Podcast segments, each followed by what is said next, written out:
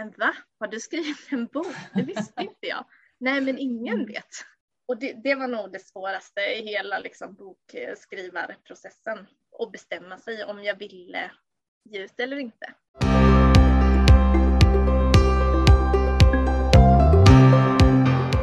Hej och välkomna till Konsten att sabba en story. En podd om skrivandets vånda och glädje. Det här är podden för dig som vill skriva mer, bli bättre och lära dig av misstagen så att du inte sabbar storyn.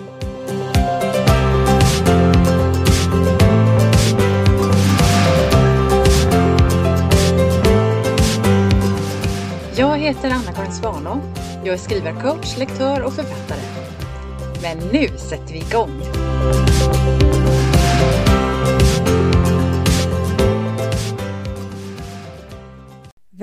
Välkomna till avsnitt 28. Idag blir det en intervju med debuterande författaren Sofia Larsson. Men allra först skulle jag vilja bjuda in till ett webbinar som riktar sig till dig som drömmer om att bli författare, som Sofia, men ännu inte har skrivit klart din bok. Jag nämnde lite kort om detta förra veckan. Eh, det är alltså ett webbinar helt gratis och det är på söndag den 10 april klockan 15. Och webbinariet kallar jag Tre sätt att sabba en story och tre sätt att rädda den. Kanske är det så här att du har fått en jättebra idé till en bok och entusiastiskt börjar du skriva och det är så kul och du skriver kanske 30-40 sidor och sen tar det stopp. Det där har hänt för ganska många av oss, mig själv då inkluderad.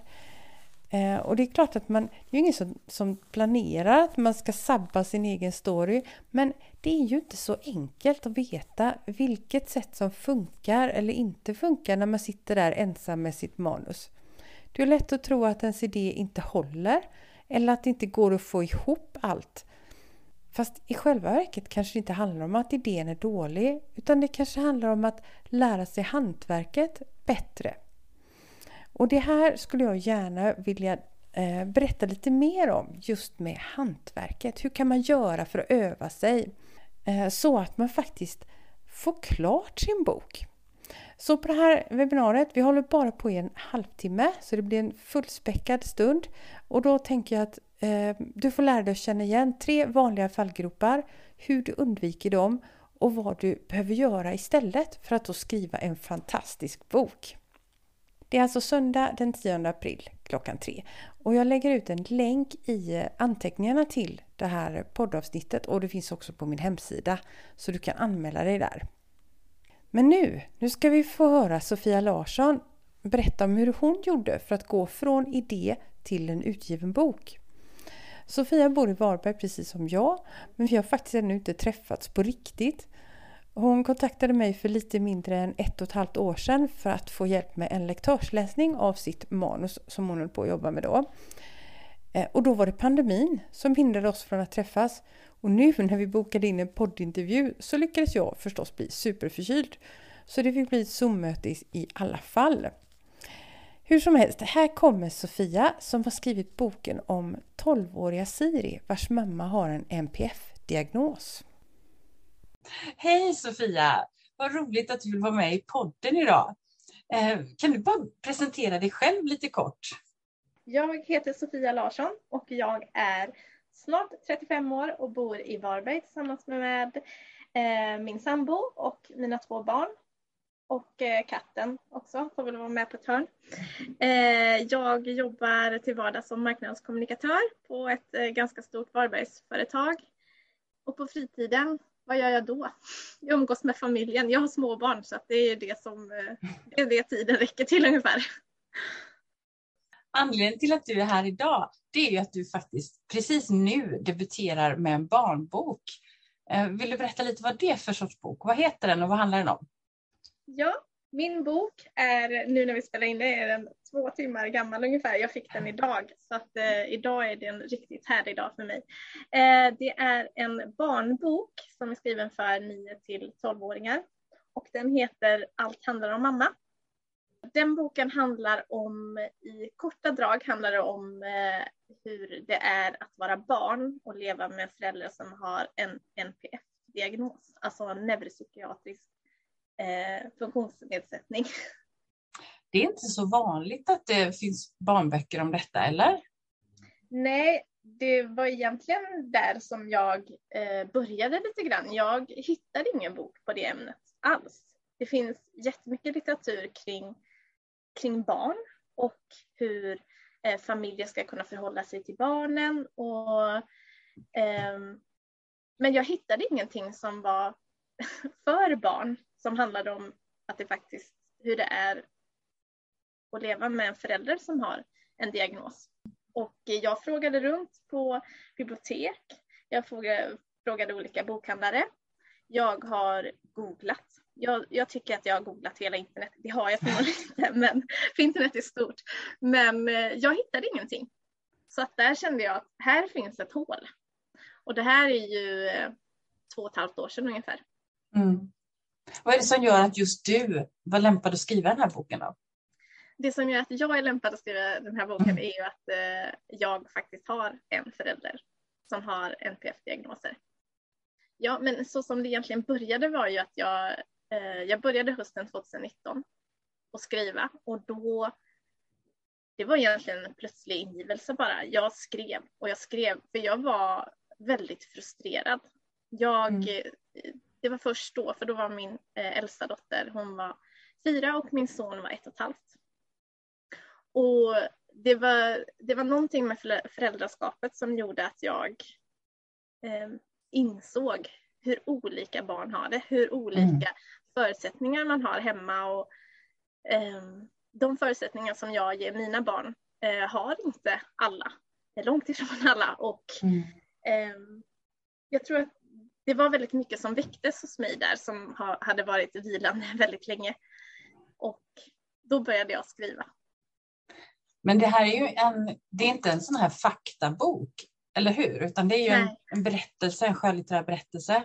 Ja, det är det. Och det är en fiktiv bok också, så det, det, är ingen självbiografi på något sätt, utan Nej. det är eh, en fiktiv bok om en tolvåring. Och det är klart att vissa situationer i boken eh, är ju tagna någonstans ifrån. Mm. Men eh, det är inte jag som huvudpersonen. Och det är inte min mamma som är mamman. Mm. Nej, så det är Siri som är huvudpersonen. Va? Och ja. så skildrar du lite grann av hennes liv, precis som en tolvåring kan ha det med klasskompisar, kompis, eh, lite förälskelse och andra saker som händer. Men så finns ju hela tiden den här eh, bakgrunden eller liksom situationen med mamman som mm. gör att hon inte har det som andra barn.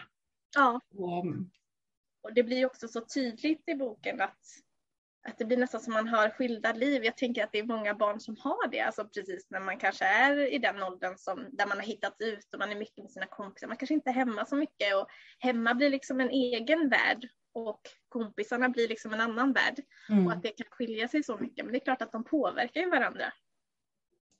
Vad är ditt syfte liksom med när, du möt, när läsaren möter den här boken? Vad tänker du att läsaren ska uppleva? mitt primära syfte eftersom det är en barnbok så är det ju att ge stöd till barn i den situationen och också visa att det finns dels att det finns andra som har det så här och dels att det finns eh, den huvudpersonen i boken får väldigt fint stöd av en kompis mamma. Och jag vill peka på att det finns mycket stöd att få i skolan. Det finns stöd att få kanske i andra föräldrar. Um, och visa att, eh, att man inte behöver vara ensam i sina känslor. Mm. Mm. Så att, eh, det är mitt primära syfte att stötta barn och visa att det här, alltså lyfta upp ämnet som inte finns idag. Och mitt andra syfte är såklart att föräldrar ska läsa det här. Eh, för att det är kanske föräldrar som, eh, om man inte har eh, diagnoser själv eller barn med det så har man kanske någon i sin närhet som har det så här eller hur man kan stötta och mm. ja, jag hoppas att det är många som läser boken för jag tycker att det är ett viktigt ämne. Mm, ja absolut, jag tror det kan bli en ögonöppnare för många och för mm. barn som känner igen sig i den här situationen så kan det vara otroligt skönt att få veta att jag är inte ensam mm. och så här kan man göra och det, man får lov att prata om det. Ja. Jag tror det kan vara en jätteviktig bok Mm. Ja, jag tror att det också är, jag vet att du skrev i, eh, i ditt lektörsutlåtande till mig eh, att det, var ett, att det är ett viktigt ämne som du tycker förtjänar lyftas fram i barn och ungdomslitteraturen. Och det var liksom mm. mitt första, min första bekräftelse egentligen på att mitt syfte, dels att det gick fram men sen också att det var viktigt. Så mm. Och det kanske vi också ska nämna. Anledningen till att eh, vi hade kontakt mm. från början var ju att jag skickade in mitt manus till dig eh, för att jag ville ha en lektörsutlåtande. Ja, så mm. var det. Men berätta gärna, hur, hur har liksom de olika stegen i processen gått? Från det, nu berättar du hur du fick din idé och sen mm. vid något tillfälle skickade du in till mig då som lektör och nu sitter du här med boken i din hand. Kan du beskriva lite grann de här olika stegen? Vad har hänt på vägen egentligen? Och vilket skede var det som du skickade den till mig? Ja, vad som hände på vägen. Jag började ju hösten 2019 att skriva och då, då skrev jag. Alltså jag skrev varenda minut som jag hade och ingen planering utan varje gång jag satte mig vid datorn så var det bara att det flödade liksom. Mm. Eh, det fanns ingen struktur eller ingenting utan det var, det var en berättelse som, som skulle ut.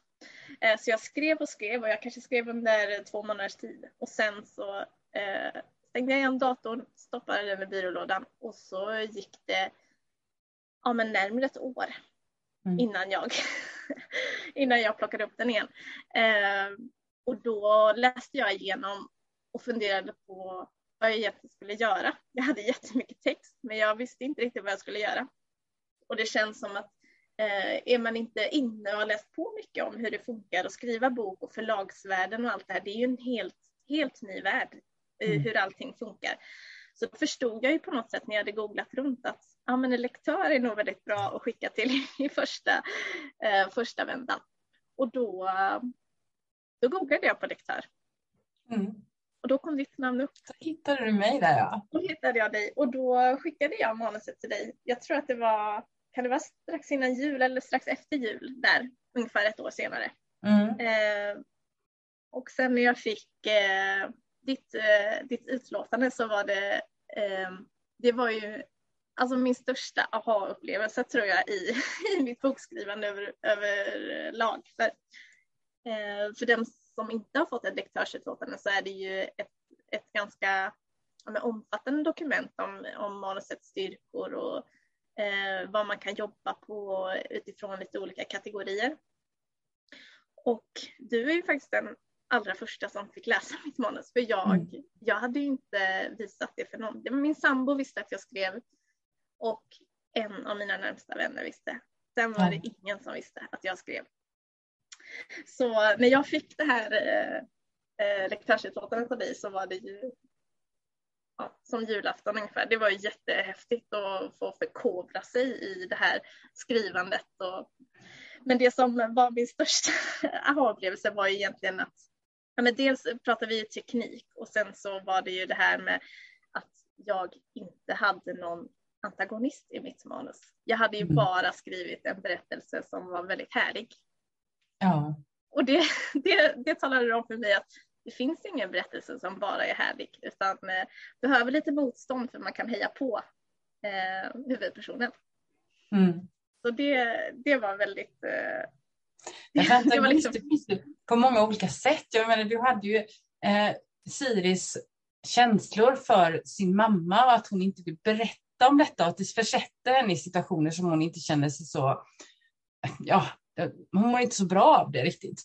Men det, det, är ju en sorts antagonist, men sen behövdes det ju någonting mer för att driva eh, ja, allting som händer i hennes liv just under den här perioden.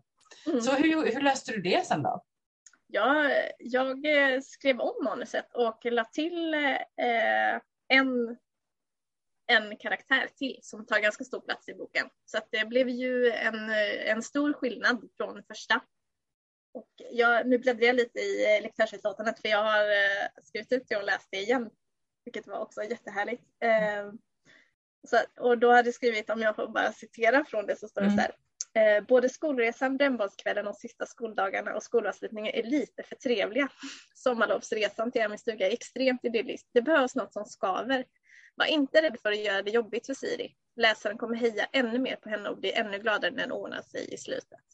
Och det tyckte jag var väldigt bra. Ja, men det var så bra sammanfattat för då, då förstod jag verkligen. Så då, då skrev jag om och jobbade med manuset där eh, den våren och sen senare den våren så skickade jag in det till förlag. Och vad hände sen då när du hade skickat in till förlag? Vad, sa de bara ja, nu är det klart, vi trycker den? Nej, absolut inte. Nej, jag skickade till eh, eh, ganska många förlag och mm. fick eh, innan sommaren fick jag svar från två stycken hybridförlag. Och jag blev jätteglad såklart. Jag har ju läst om hur svårt det här är och bli antagen. Men eh, där kändes det som att jag hade på något sätt uppnått mitt mål. Så mm. jag eh, sa tack så mycket. Och sen så stoppade jag ner det i byrålådan över sommaren igen. Eh, och svarade varken ja eller nej till det här. Eh, och senare på hösten så fick jag eh, från det, det ena förlaget kände jag direkt att jag inte ville gå vidare med. Men det andra eh, hörde av sig igen efter sommaren och frågade om jag hade tänkt klart. Mm. Och då kände jag att nu måste jag bestämma mig om jag ska göra det eller inte. Och det, det var nog det svåraste i hela liksom, bokskrivarprocessen. Att bestämma sig om jag ville ge ut eller inte. Mm. Och det, det kanske är konstigt, men för mig, dels är det en berättelse som är ganska nära. Eh, och dels så gillar jag att gå lite under radarn. Mm. jag gillar att vara lite neutral och kanske inte Ja, men jag tycker att det är lite bekvämt att inte sticka ut för mycket. Och ha, skriver jag en bok så på något sätt så när den publiceras så sticker jag ut lite grann. Mm, gör ju det. Eh, och det, det var faktiskt då jag också började berätta för folk, för jag behövde eh, deras input på om jag skulle ge ut eller inte. Och när jag egentligen bara undrade ja eller nej så blev folk mest så här, men va? Har du skrivit en bok? Det visste inte jag. Nej, men ingen mm. vet. Ingen har vetat det.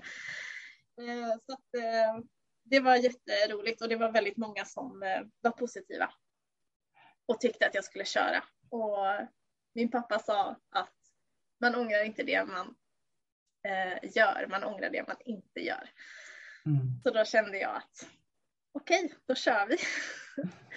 så då, då tackade jag och sen efter det så har jag jobbat med en redaktör på förlaget och eh, utvecklat manuset ännu mer. En redaktör går ju ner liksom på, på meningsnivå och eh, ja, men hjälper, hjälper till att utveckla så att det ser och låter bra. Sen mm. har jag haft en korrekturläsare och så har jag jobbat med en grafiker som har hjälpt mig med omslaget.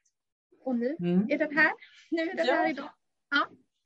ja, jag måste ju säga grattis. Jag tycker det är fantastiskt att du har gått igenom hela den här processen och att du vågade ta detta steget. Och den ser ju jättefin ut måste jag säga. Tack. Jag har inte hunnit läsa hela i, som den nu ser ut, men det ska jag se till att göra sen. Ja. Har du några planer liksom framöver? Vad ska du göra nu med boken? Nej, men dels så har jag ju eh, redan nu haft fyra intervjuer kring boken. I eh, tidningar så eller? I tidningar, ja mm. precis. Två är publicerade och två eh, eh kommer här eh, lite framöver. Och eh, de två är i ja, mer åt branschtidningshållet där vi egentligen pratar om, om frågan kring NPF. Så jag tycker att det är eh, jättespännande att se vad vi kan få vad vi kan väcka liksom för frågor i samhället. Mm. Det hade varit eh, jätteroligt om vi hade kunnat prata om det här mer. Så det är ju min plan att vi ska kunna, ja, eller att jag ska kunna få möjligheten att väcka den här frågan. Jag är absolut ingen forskare eller någon som eh, har skrivit avhandlingar om det här ämnet, men eh, jag är gärna med och väcker frågan. Liksom. Eh, så det ska jag göra och sen så har jag skrivit en till bok.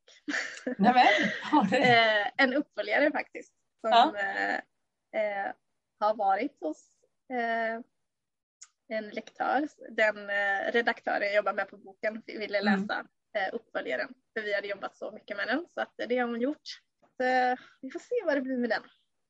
Det ena brukar ju leda till det andra på något vis. När man väl har satt igång det här med berättandet och fått lite smak för det, då ja, men visst blir man ju sugen på att bara fortsätta.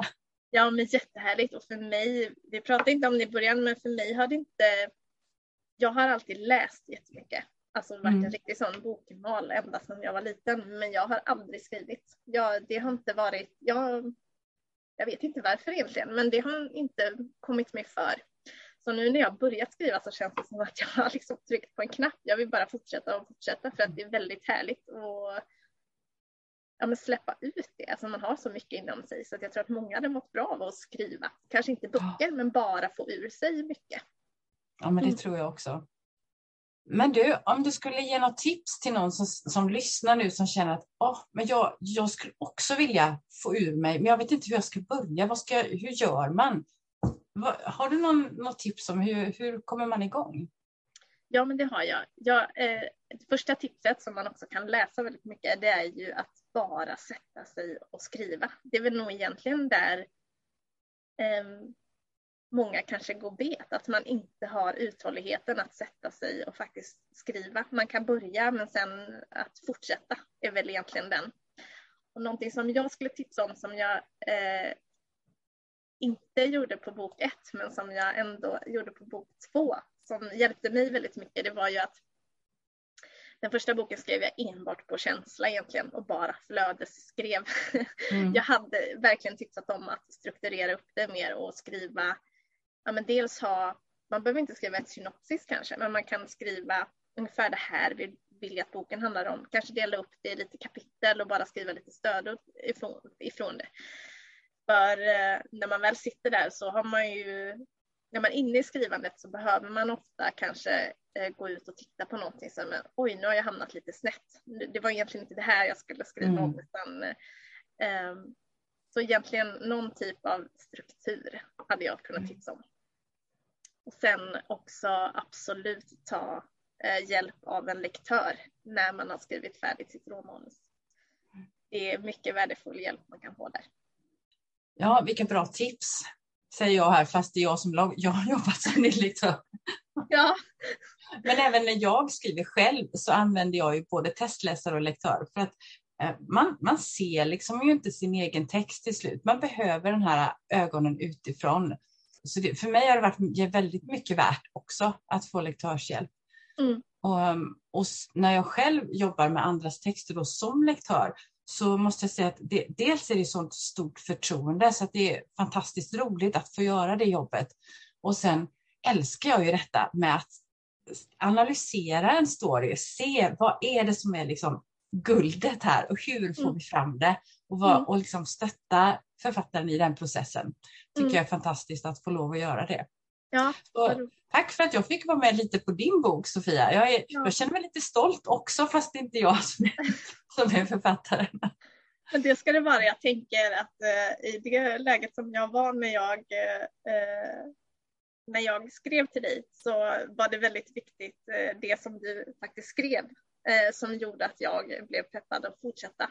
Alltså som när man skriver sin första bok så tror jag att många med mig är väldigt osäkra på så finns det ens något? Alltså är det här, mm. finns det någonting att bygga vidare på? Och jag blev så himla glad jag också ramat in här i, i, i min lektör så står det att eh, under språk så din första mening var du skriver väldigt bra. Det tror jag liksom gav mig den skjutsen som jag faktiskt behövde. Alltså den osäkerheten som jag hade, den, den blev i alla fall lite mindre. Mm. Men ofta går man och är osäker på dels sin egen förmåga, dels sin egen liksom, idé. Håller den här? Skulle någonsin någon vilja läsa om detta? Och kan jag skriva en hel berättelse om det här? Men är det så att man verkligen brinner för någonting, om man känner att det här behöver komma ut, ja men då håller det. Sen handlar det väldigt mycket om ett hantverk som man kanske måste lära sig eh, olika skrivtekniker för hur man ska få fram det som är verkligen kärnan, det man vill uttrycka. Men det, det handlar ju om övning. Mm. Så, så jag tror att man ska inte vara så rädd, utan den historien som man bär på, det är en unik historia och det är bara, det är bara du som kan berätta din historia. Mm. Och det är ju också, det, det, är också någonting man ser mycket när man söker på skrivtips och sånt, men det här gräv där du står. Eh, det tror jag att alla, alla har någonting eh, som de faktiskt kan berätta om. Och, och är det utifrån någonting som eh, är nära en själv eller en händelse eller någonting som har berört så tror jag att man kan man kan få ut väldigt mycket av en liten händelse eller en liten sak. Om man hittar mm. sin, sin sak.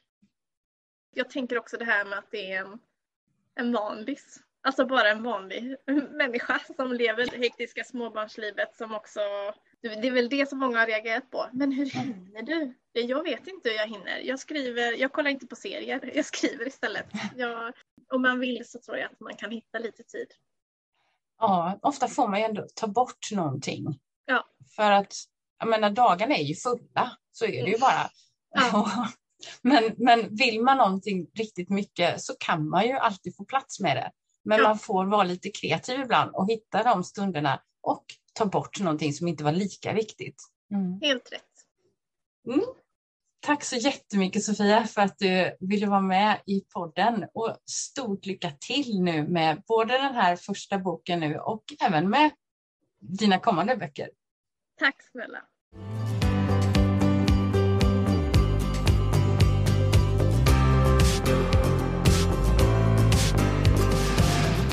Det var allt för idag. Om du gillar podden skulle det vara toppen om du tipsar andra skrivintresserade också. Titta gärna in på min hemsida www.annakarinsvana.se. Där finns bland annat en gratis minikurs om att börja skriva. Där finns också mer information om mina tjänster och kurser. Men nu är det dags att börja skriva.